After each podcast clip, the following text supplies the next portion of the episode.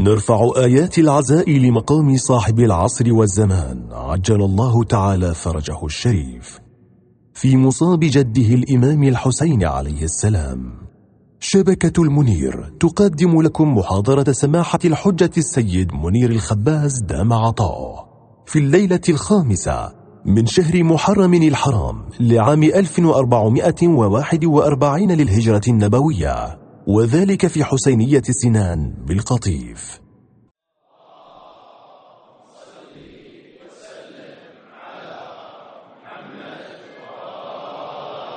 صلى الله وسلم عليك يا رسول الله. وعلى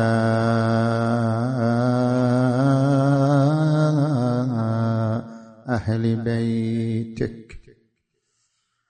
المنتجبين يا ليتنا كنا معكم فنفوز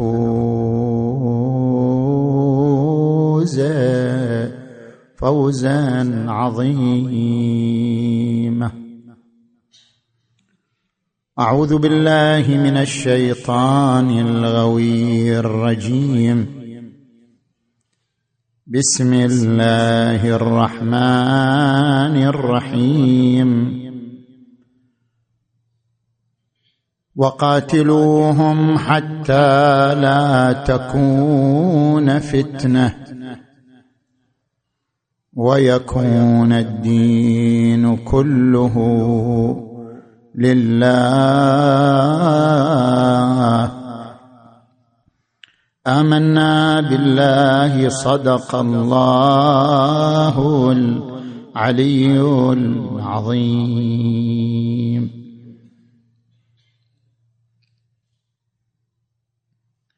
انطلاقا من الآية المباركة نتحدث في ثلاثة محاور. في المجتمع الرشيد وفي خطر الفتنة. وفي قيادة الرسول الأعظم صلى الله عليه وآله لوحدة المجتمع الإسلامي. نأتي إلى المحور الأول. الرشد هو عبارة عن حسن الإدارة.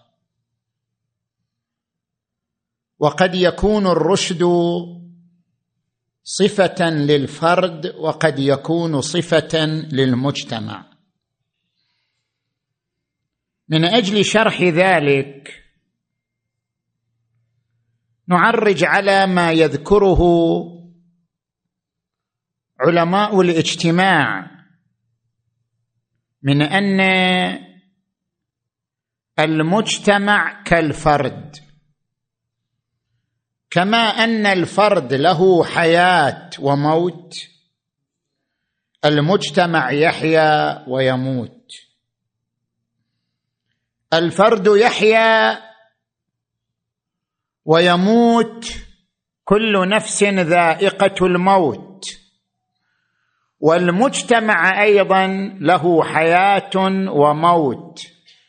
يقول تعالى ولكل أمة أجل. فإذا جاء أجلهم أجل الأمة بأسرها. حتى لو كان الأفراد ما زالوا على الحياة بس المجتمع راح. فإذا جاء أجلهم لا يستأخرون ساعة ولا يستقدمون. كذلك يمكن أن يتصف الفرد بالرشد ويمكن أن يتصف المجتمع بالرشد. عندنا فرد رشيد عندنا مجتمع رشيد. الفرد الرشيد هو الذي يحسن الإدارة. من يحسن إدارة أمواله ويضعها في مواضعها فهو رشيد. من يحسن إدارة عائلته وأسرته فهو إنسان رشيد. من يحسن إدارة علاقاته الاجتماعية علاقاته مع أصدقائه علاقاته مع الناس فهو رشيد. أما الفرد الذي لا يقدر على وضع الثروة في مواضعها سفيه. أو الفرد الذي لا يتقن إدارة الأسرة ليس برشيد. أو الفرد الذي لا يتقن إقامة علاقات حسنة مع الآخرين أيضا ليس برشيد. الرشد حسن الإدارة في جميع المجالات. الفرد رشيد والمجتمع الرشيد. نحن الآن نريد أن نتحدث عن المجتمع الرشيد. كيف يكون المجتمع رشيدا؟ كيف يحسن المجتمع إدارة شؤونه حتى يكون مجتمعا رشيدا؟ هناك ثلاث خصائص تميز وتفرز المجتمع الرشيد عن غيره. الصفة الأولى للمجتمع الرشيد المجتمع الذي يستثمر طاقاته المادية والبشرية في النهوض بالمستوى الحضاري. هو مجتمع رشيد. كل مجتمع يمتلك أموال يمتلك ثروات. إذا استطاع أصحاب رؤوس الأموال أن ينشئوا مشاريع اقتصادية تنهض بالمستوى الاقتصادي للمجتمع. اذا هذا المجتمع رشيد وإلا فلا. المجتمع يمتلك طاقات بشرية طاقات علمية طاقات أدبية طاقات عملية. إذا كان المجتمع رشيد فهو المجتمع الذي يوظف طاقات أبنائه العلمية والأدبية والفنية والمهنية يوظفها في النهوض بمستوى المجتمع إلى الوجه الأكمل والوجه الأسمى وإلا فالمجتمع غير رشيد. لذلك القرآن الكريم يقول وضرب الله مثلا قرية كانت آمنة مطمئنة. يأتيها رزقها رغدا من كل مكان. فكفرت بأنعم الله. تلاعبت بالثروة. صار خلل في توزيع الثروة. فكفرت بأنعم الله. فأصابها. فكفرت بأنعم الله فأذاقها الله.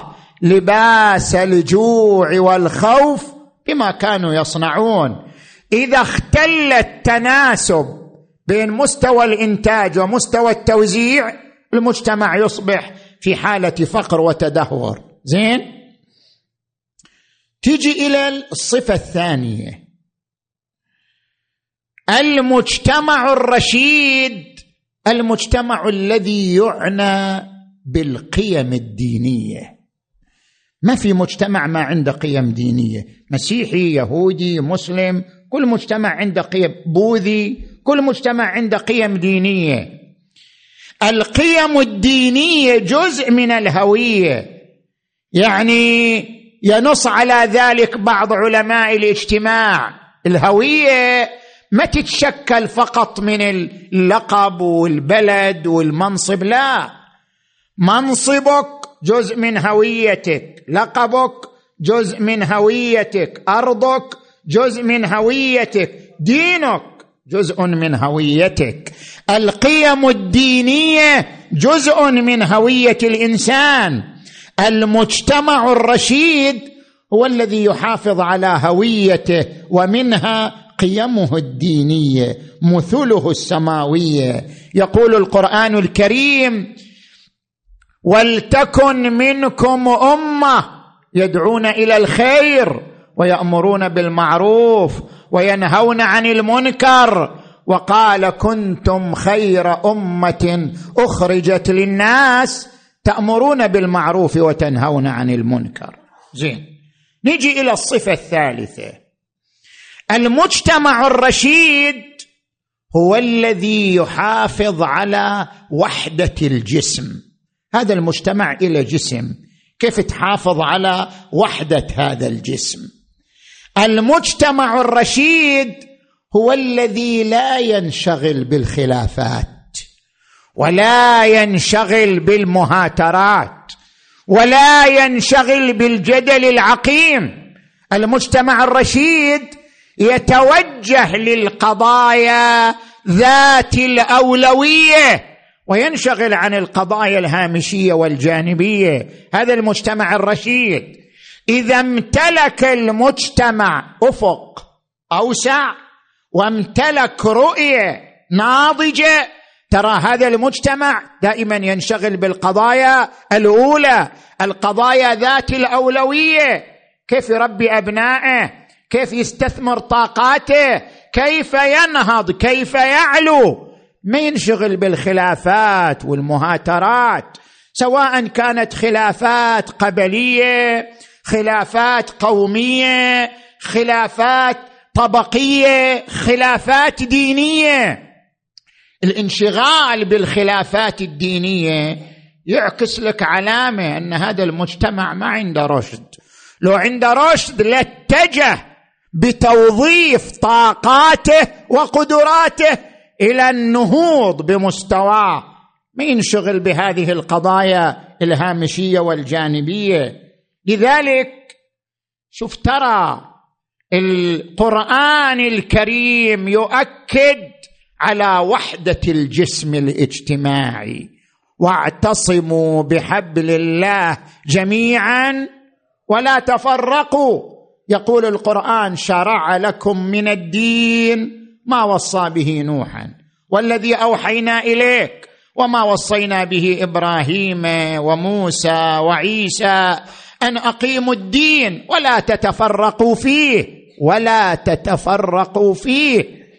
ويقول القرآن الكريم ولا تنازعوا فتفشلوا وتذهب ريحكم من هذا المنطلق تجد المرجعية العليا في النجف الأشرف دام ظله الشريف يوصي المؤمنين بالارتفاع عن الخلافات الدينية. ليس هناك خلاف في أصول الدين ولا خلاف في ضروريات المذهب. فلا معنى للانشغال بالخلاف في تفاصيل بعض الأمور خلاف في بعض الشعائر الخلاف في تفاصيل بعض المقامات الخلاف في تفاصيل الرجعة وأشباه ذلك. إشغال المجتمع بهذه الخلافات. هدر لطاقة الفكر وهدر للوقت وإشغال للناس عن القضايا ذات الأولوية ذات المساس ذات الارتباط بالنهوض بمستواهم. الحضاري والديني والثقافي. اذا هذه سمات المجتمع الرشيد الذي يركز على انسجامه ووحدته وتواصل أطرافه وأبنائه. لذلك ننتقل من هذا المحور الأول إلى المحور الثاني ألا وهو الحديث عن خطر الفتنة. في القرآن الكريم. انطلاقا من الرشد الاجتماعي على المجتمع الرشيد أن يركز كيف يتوقع خطر الفتن. الفتنة هي الاضطراب لكن الاضطراب له مصاديق. تعرض لها القرآن الكريم. هناك أربعة مصاديق للفتنة في القرآن الكريم. الفتنة الفكرية والفتنة المادية والفتنة الروحية والفتنة الاجتماعية. أذكر لك الآن المصاديق مع الشواهد. المصداق الأول الفتنة الفكرية يعني اضطراب الأفكار تشويش الأفكار. أكو جماعة بس شغلهم يشوش الأفكار يخربطها. زين؟ هو عنده فن في تشويش الأفكار. زين؟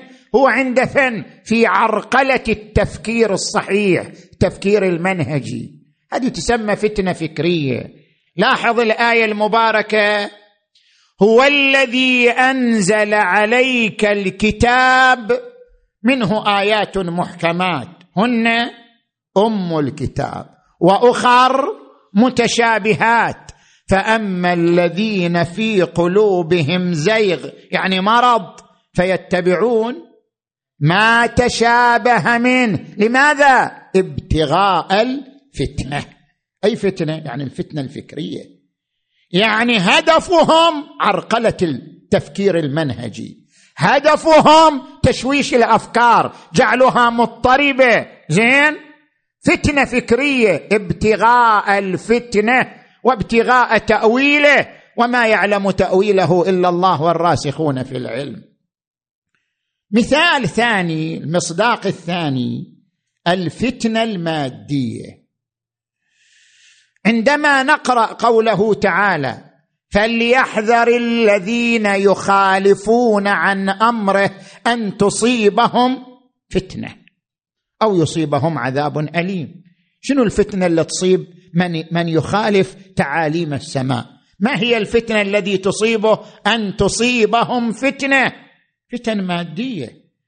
الخروج عن تعاليم السماء التي من جملتها تعاليم اقتصادية من جملتها تعاليم تربوية يعني غرق المجتمع في الفتن المادية الفقر التخلف الثقافي زين؟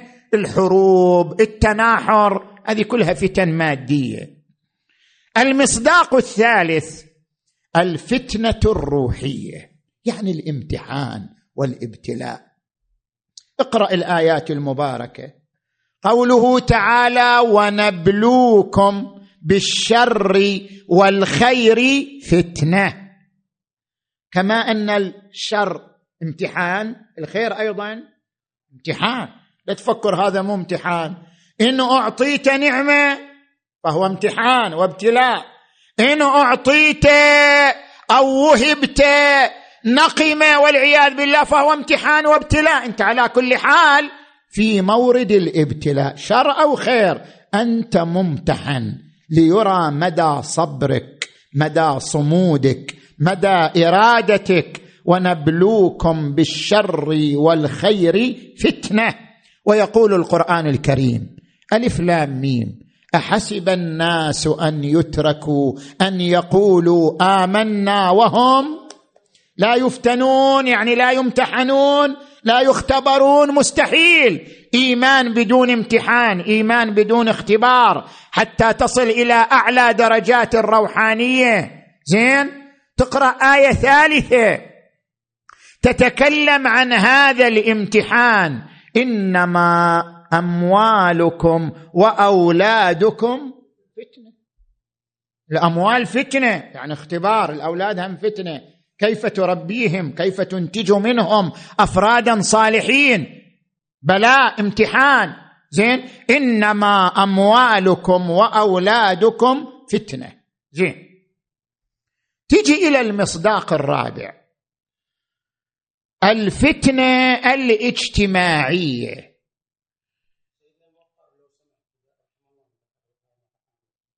هذا أنت موجود.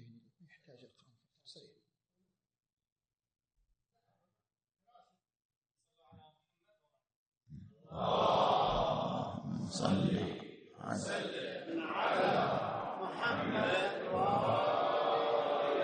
الفتنة الاجتماعية هي عبارة عن الاختلاف. لاحظ نحن عندما نقرأ هذه الآية المباركة التي تتحدث عن المنافقين. لو خرجوا فيكم ما زادوكم إلا خبالا. ولاوضعوا خلالكم. يبغونكم الفتنة. يعني يريدوكم تختلفوا. يبغونكم الفتنة. وفيكم سماعون لهم. والله لا يهدي القوم الظالمين. لقد ابتغوا الفتنة من قبل وقلبوا لك الأمور حتى جاء الحق وظهر أمر الله وهم كارهون. الفتنة التي بثها المنافقون في المجتمع المدني هي الاختلاف بين الناس. انت عندما تقرأ الآيات المباركة يسألونك عن الشهر الحرام قتال فيه يعني هل يجوز القتال فيه؟ قل قتال فيه كبير يعني إثم كبير وصد عن سبيل الله وكفر به.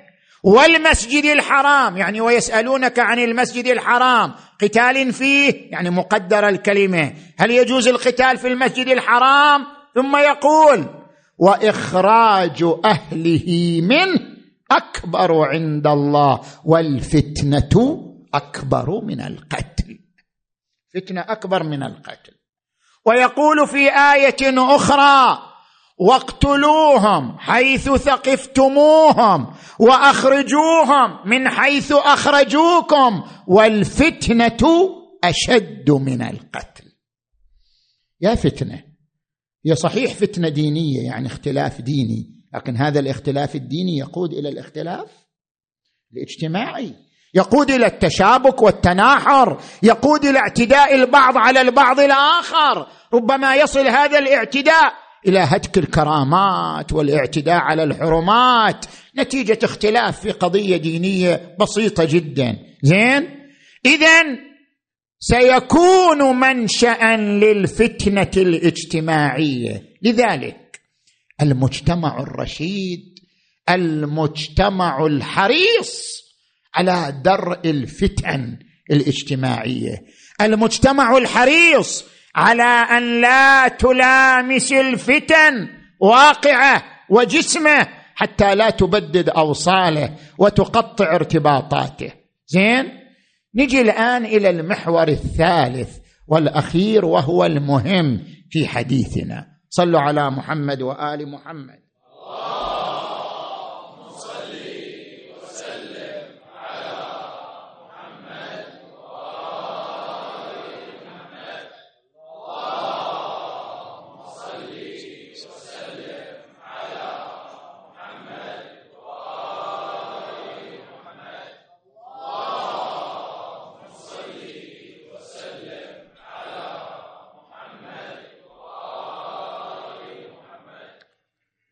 قيادة الرسول الأعظم صلى الله عليه وآله للمجتمع الإسلامي على مبدأ الوحدة وعلى مبدأ الترابط.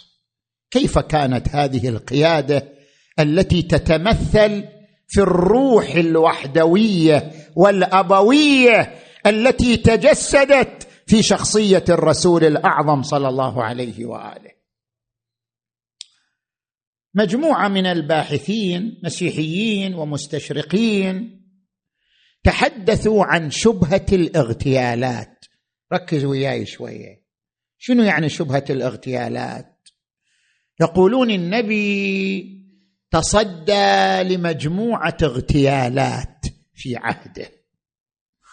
وهذه لا تنسجم مع روح الرحمة وروح العدالة.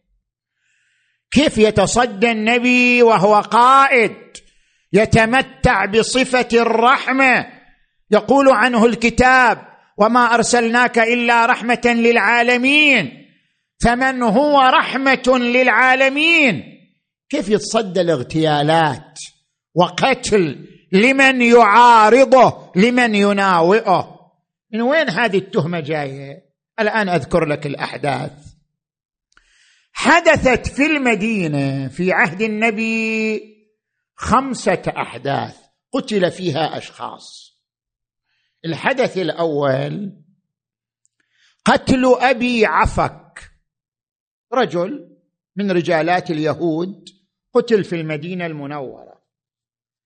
لما جاء المسلمون من مكة إلى المدينة المسلمون أذكياء زين؟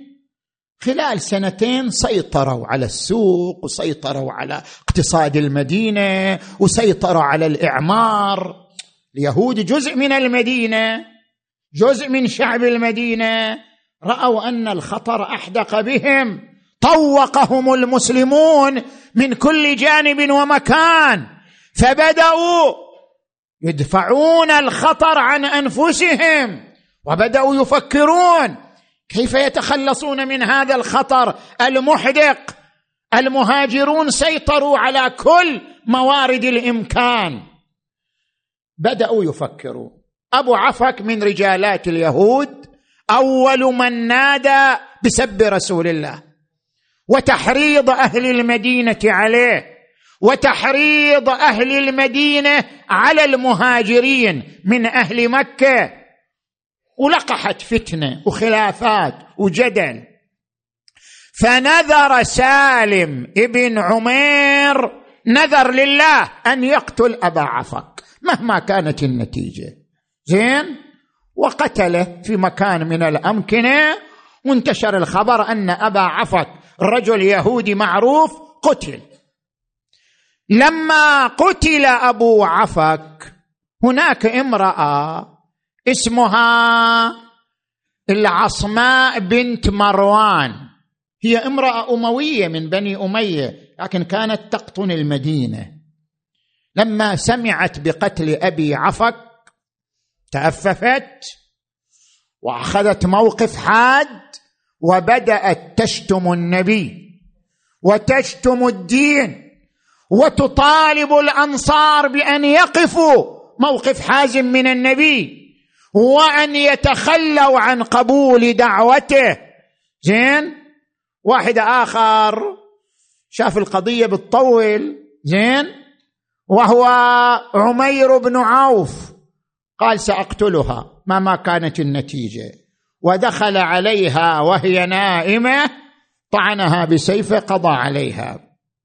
طبعا بعض المؤرخين شوية يحط بهارات على القضية وكان جنبها رضيع وأزاح الرضيع بسيفه وانت تعرف البهارات. زين؟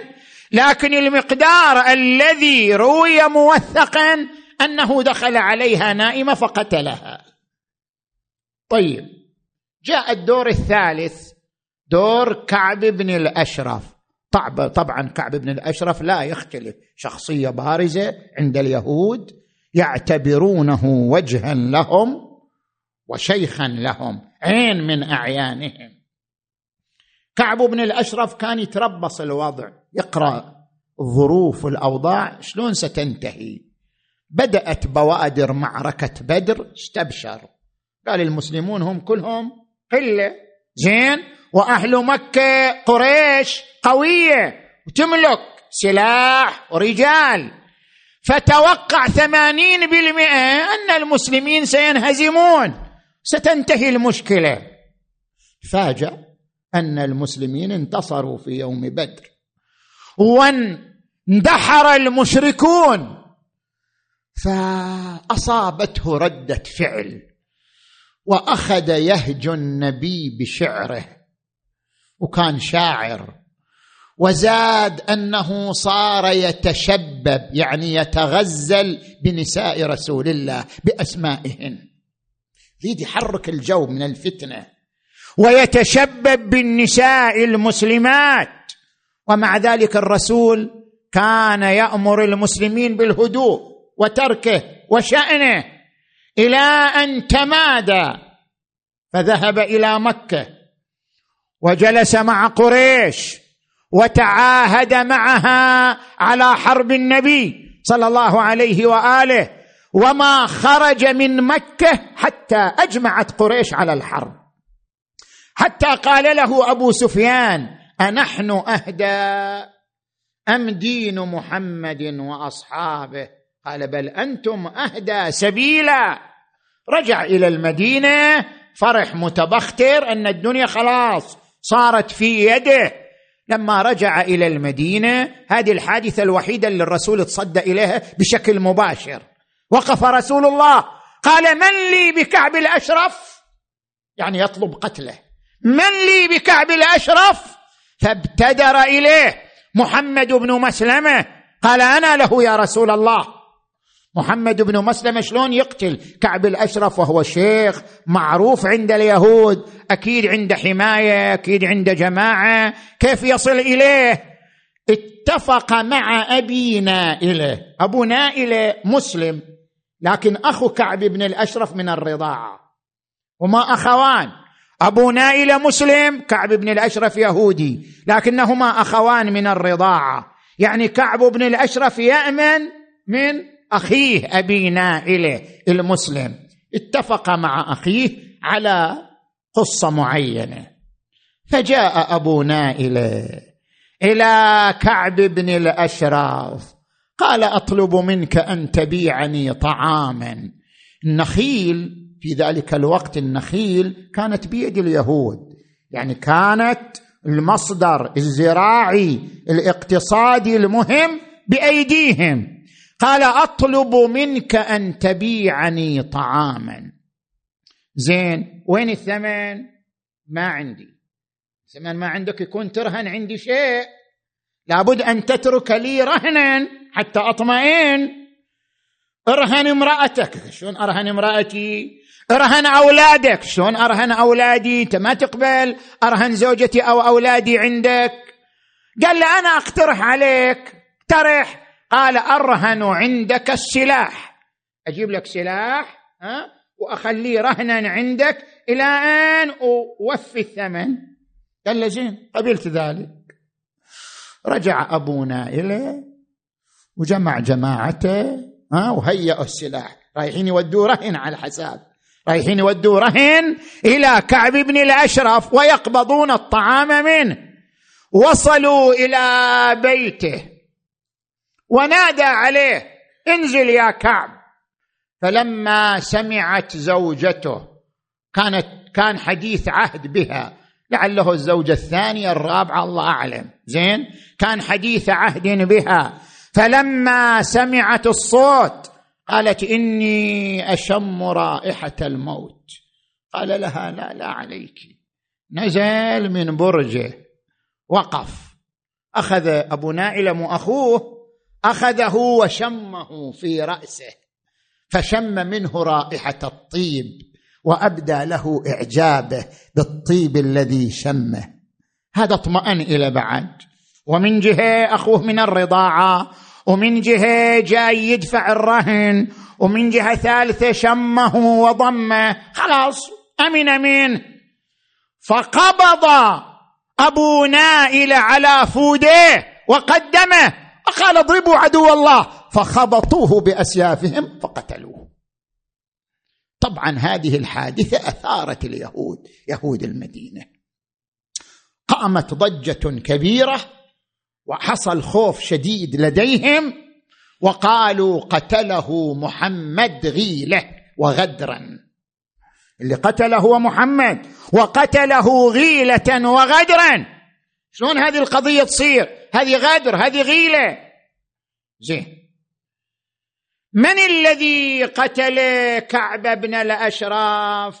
كل الجماعة من قبيلة واحدة قبيلة الأوس. الأوس والخزرج في المدينة قبيلتان متنافستان على الزعامة. إذا واحدة منهم تسوي شيء لازم الثانية تسويه. زين؟ فكعب بن الأشرف كان له ظهير. ظهيره أبو رافع. شنو ظهيره يعني دائما وياه؟ كما أن كعب بن الأشرف كان يهجو النبي بشعره ويحرض الناس عليه وينبذ الدين والرسالة كان ظهيره في ذلك من؟ أبو رافع نفس الدور يقوم به. فقال الخزرج كما قتل الأوس كعب فلنقتل أبا رافع حتى لا يفوزوا بمنقبة لم نفز بها. فقام بنو الخزرج وقتلوا أبا رافع. زين؟ راح الرابع منهم. زين؟ بقي ابن سنينة. نسنين هو يهودي بس ما كان ذا دور مهم. خلصوا عليه وياه بالنتيجة هذه الحوادث جمعها جملة من الباحثين وألصق شبهه بالنبي. أن هذا القائد قائد اغتيالات. قائد يتعامل مع زين المعارضة مع النقد بالسحق والإبادة والقتل. زين هذا قائد يحمل روح دموية. لا يحمل روح الرحمة لا يحمل روح العدالة التي نادى بها القرآن. إن الله يأمر بالعدل والإحسان وإيتاء ذي القربى. هذه الشبهة إحنا كيف نجيب عنها؟ تأمل معي جيدا كلامنا في هذا المضمار في هذه النقطة. النبي الأعظم محمد.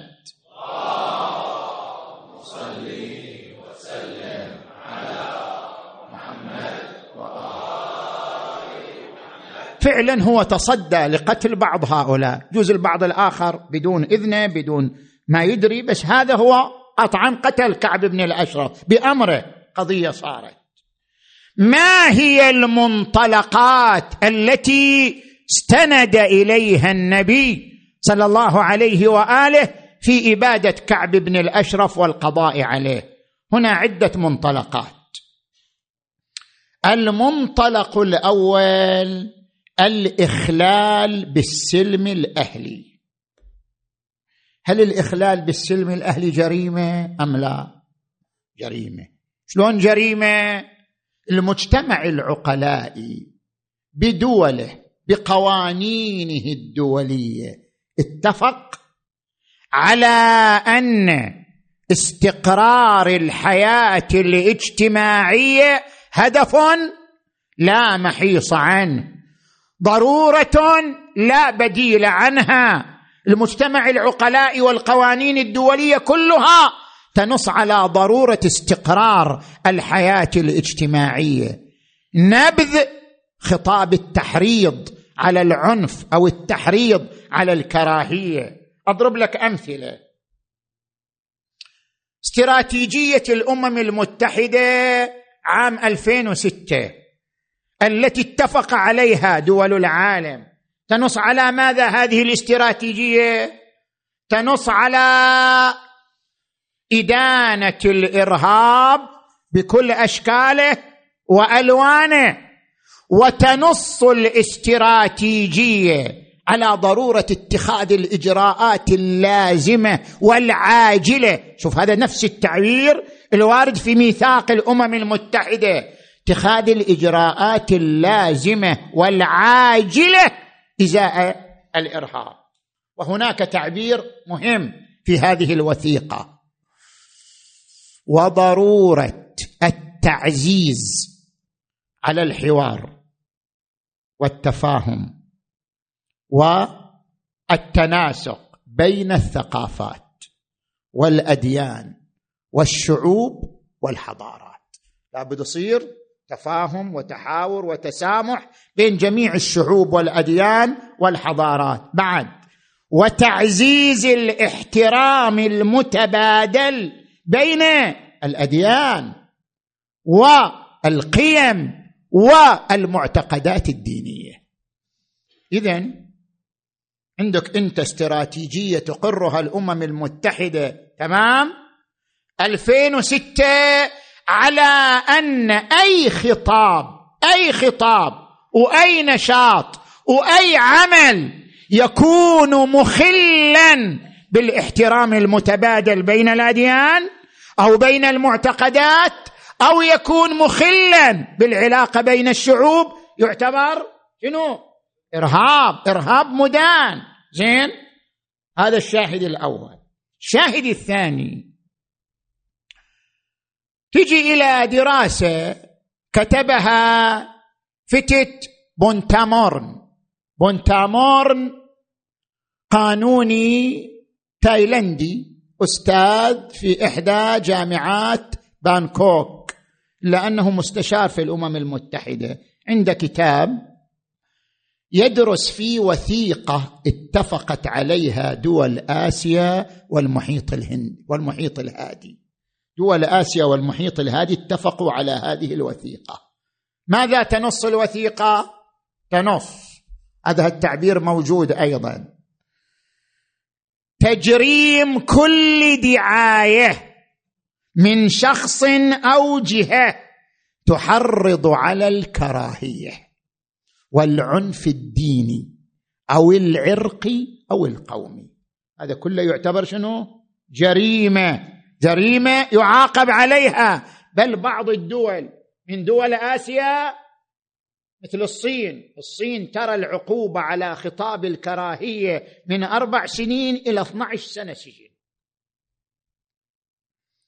الشاهد الثالث الدكتور ياسر محمد اللمعي أستاذ كلية الحقوق بجامعة طنطا بمصر عنده أيضا كتاب حول خطاب الكراهية. يذكر في هذا الكتاب أن الولايات المتحدة ترى أن كل خطاب يحرض على الفتنة مساوي للارهاب من حيث الإدانة والعقوبة. وقد تصل عقوبة هذا الخطاب إلى عشرين سنة سجنا. اذا أنت أمام قوانين دولية انت امام قيم عقلائية ترى أن أي عمل يدعو إلى الكراهية يدعو إلى العنف فهو عمل مدان ومجرم. فكيف بجماعة يتصدون لتحريض أهل المدينة على شق العصا تحريض أهل المدينة على قتل الرسول؟ التعاقد مع قريش وأهل مكة على حرب رسول الله صلى الله عليه وآله وإبادته. هذا واضح أنه من أوضح مصادق شنو؟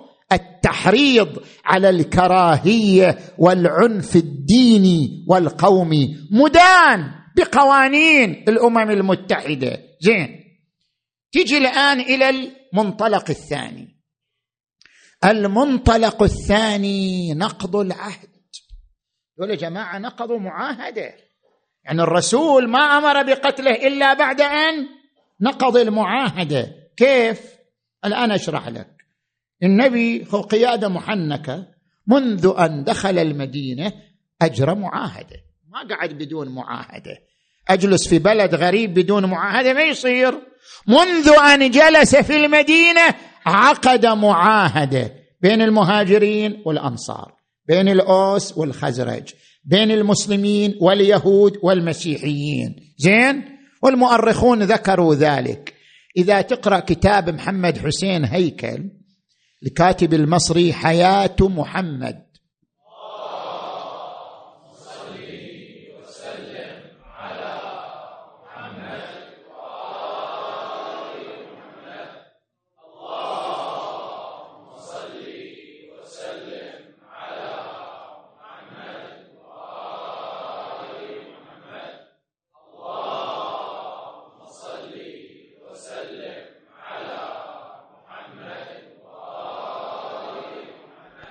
يذكر هذه المعاهدة يعبر عنها مؤتمر الأديان في المدينة المنورة. يعني اجتمع المسيحيون واليهود والمسلمون تحت سقف واحد وأجروا معاهدة ووقعوا عليها.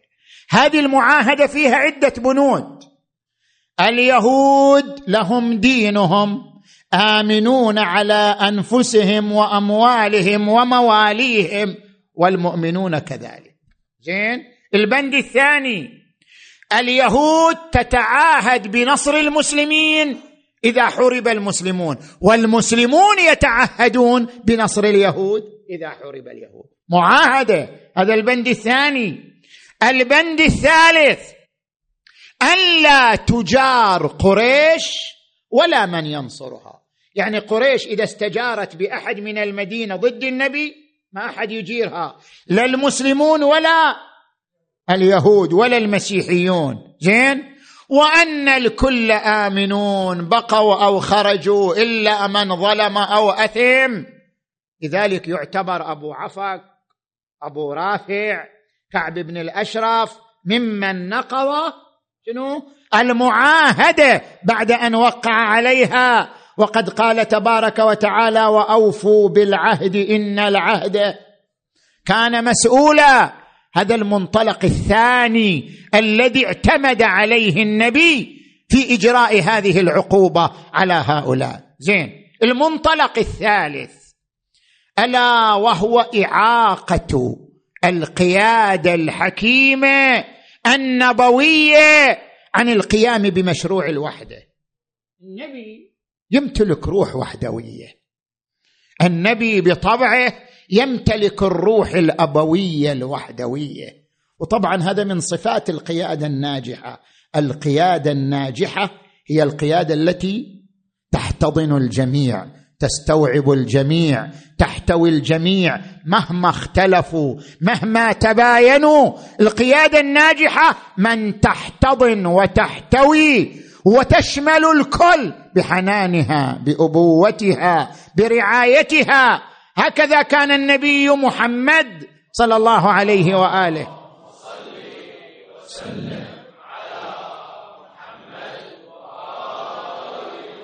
لقد جاءكم رسول من أنفسكم عزيز عليه ما عنتم حريص عليكم بالمؤمنين شوف التعبير القرآني ما خلاه بالمسلمين حتى غير المسلمين. قال لقد جاءكم رسول. من الذي جاءهم؟ كلهم. مسلمين ومسيحيين ويهود.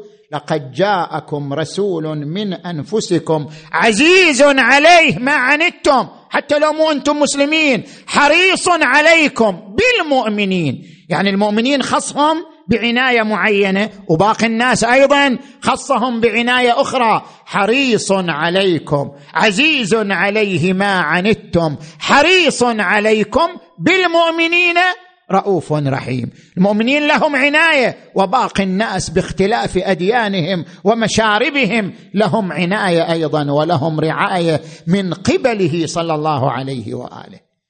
لأن الرسول كان مصر على وحدة المجتمع المدني بجميع أديانه بجميع ألوانه. مصر على انسجام المجتمع المدني بجميع ألوانه.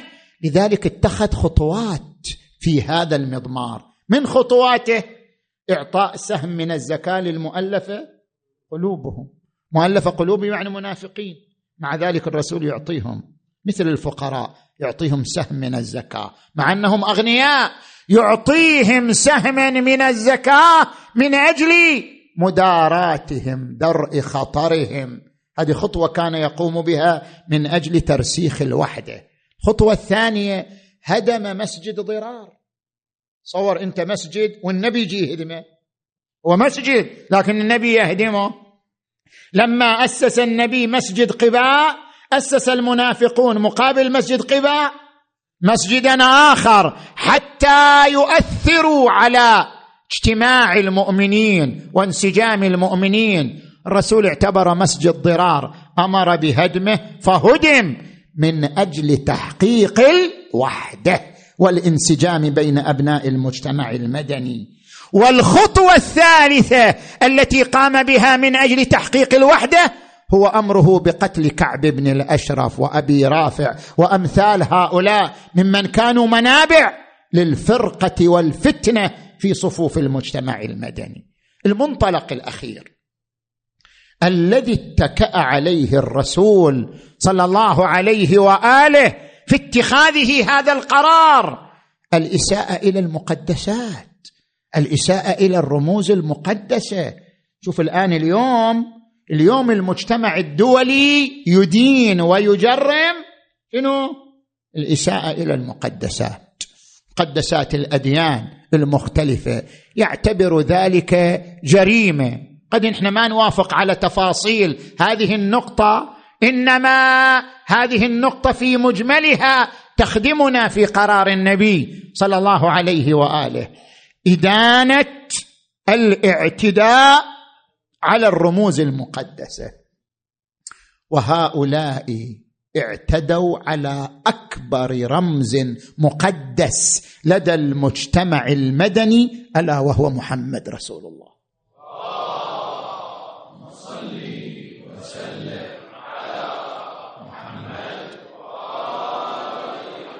فإن النبي لم يكن نبيا فقط بل كان شعار.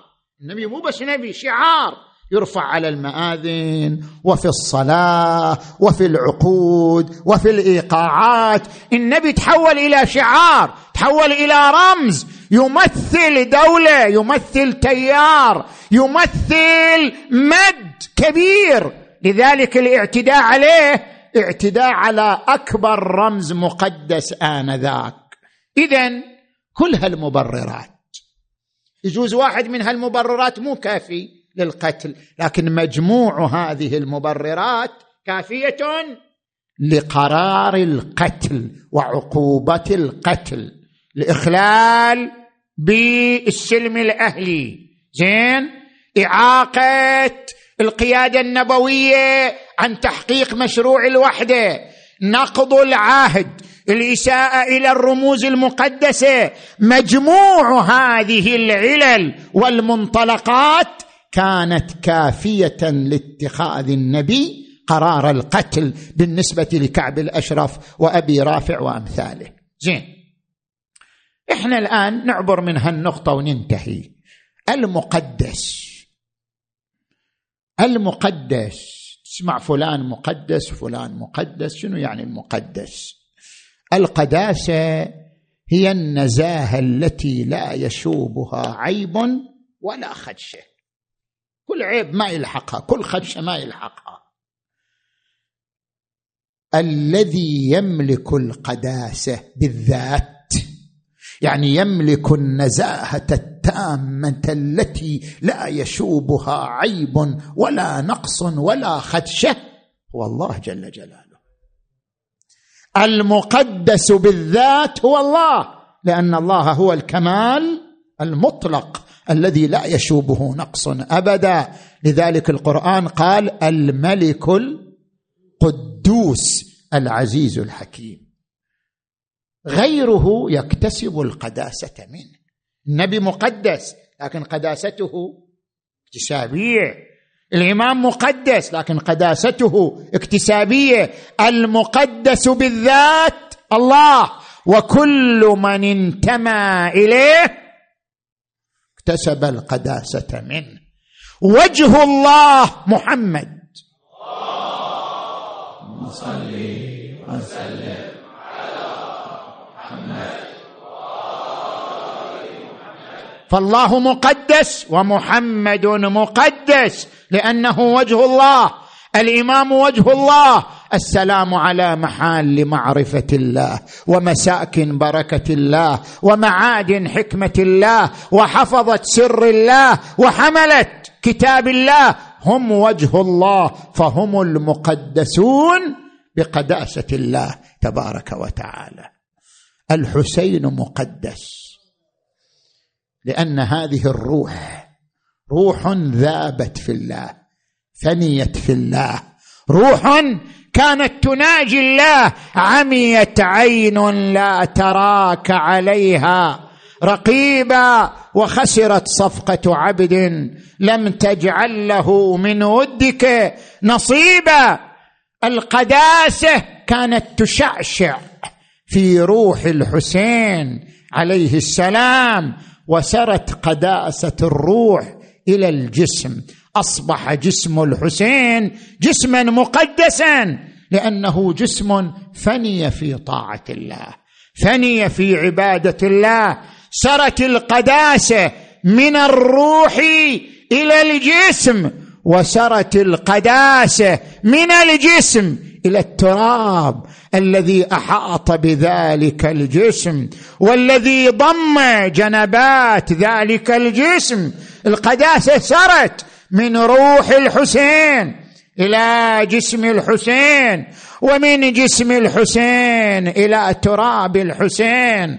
يقول ابن العرندس الحلي وفيه رسول الله قال وقوله صحيح صريح ليس في ذلكم نكر حبيب ثلاث ما أحاط بمثلها نبي فمن زيد هناك ومن عمرو له تربة فيها الشفاء وقبة يجاب بها الداعي إذا مسه الضر وذرية ذرية منه تسعة أئمة حق لا ثمان ولا عشر. ثم يقول ابن العرندس أيقتل عطشانا؟ حسين بكربلاء. وفي كل عضو من أنامله بحر ووالده الساقي على الحوض. في غد وفاطمة ماء الفرات لها مهر. الله أكبر هالتربه المقدسه تربة الحسين. هالبلد المقدس كربلاء؟ التي ضمت دم الحسين ورفات الحسين وأوصال الحسين ها؟ كل واحد منكم يتمنى المثول أمام قبر أبي عبد الله. كل واحد منكم يتمنى الوصول إلى تلك التربة المقدسة ها؟ إلى أن ينادي ذلك القبر الشريف. السلام عليك يا أبا عبد الله. في مثل هالأيام الحسين وصل إلى كربلاء ها؟ في الطريق يسير وإذا بأسنة وسيوف قال هل هذا نخل؟ قالوا لا ليس هذا نخلا. إنما هو أسنة الرماح وألسنة السيوف. وقف الحسين وإذا بالحر ابن يزيد الرياحي. في زهاء ألف فارس وقف وجها لوجه أمام الحسين. الحسين قال لا أتبعك. قال له الحر والله لا أدعك. حتى آخذك إلى الأمير عبيد الله بن زياد. قال الحسين ثكلتك أمك يا حر. ما تريد أن تصنع. روعت قلوب آل بيت رسول الله. ما تعرف عندنا نساء عندنا أطفال ها؟ عندنا بنات محمد وعلي. وأنت تروع قلوبهن. قال والله لو كان قائلها غيرك ما تركت ذكر أمه بالثكل ولكن ماذا أقول فيك وأنت ابن بنت رسول الله؟ نزل الحسين وطنب في المكان. الحر صلى خلفه صار يتفقده إلى أن اتفق معه على اتفاق أن يأخذ طريقا لا يدخله الكوفة ولا يرجعه المدينة. قال الحسين من الذي يدل الطريق؟ قام الطرماح قال أنا أدل الطريق. أخذ بزمام ناقة الحسين وتقدمها يا ناقة ناقتي لا تذعري من زج وشمري قبل طلوع الفا لخير ركبان وخير سايا آل رسول الله آل الفخر. يا زينب الطهر وبنت الطهر ألا استعدي لسياق الله يساعدها. قدامها مصائب قدامها محن. قدامها نوائب. وإذا بالفرس يمشي حتى وقف. وقف فرس الحسين. صعد فرسا آخر فلم يتحرك. ثالثا فلم يتحرك. قال أصحابي ما اسم هذه الأرض؟ قالوا تسمى نينوى. قال هل لها اسم غير هذا؟ قالوا تسمى الغاضريات. قال هل لها اسم غير هذا؟ قالوا تسمى تسمى كربلاء فحينئذ تنفس الصعداء وقال انزلوا انزلوا ها هنا محط رحالنا ها هنا تقتل رجالنا. ها هنا تذبح أطفالنا ها هنا تسبى نساؤنا ها هنا ها هنا يصعد. وحسينا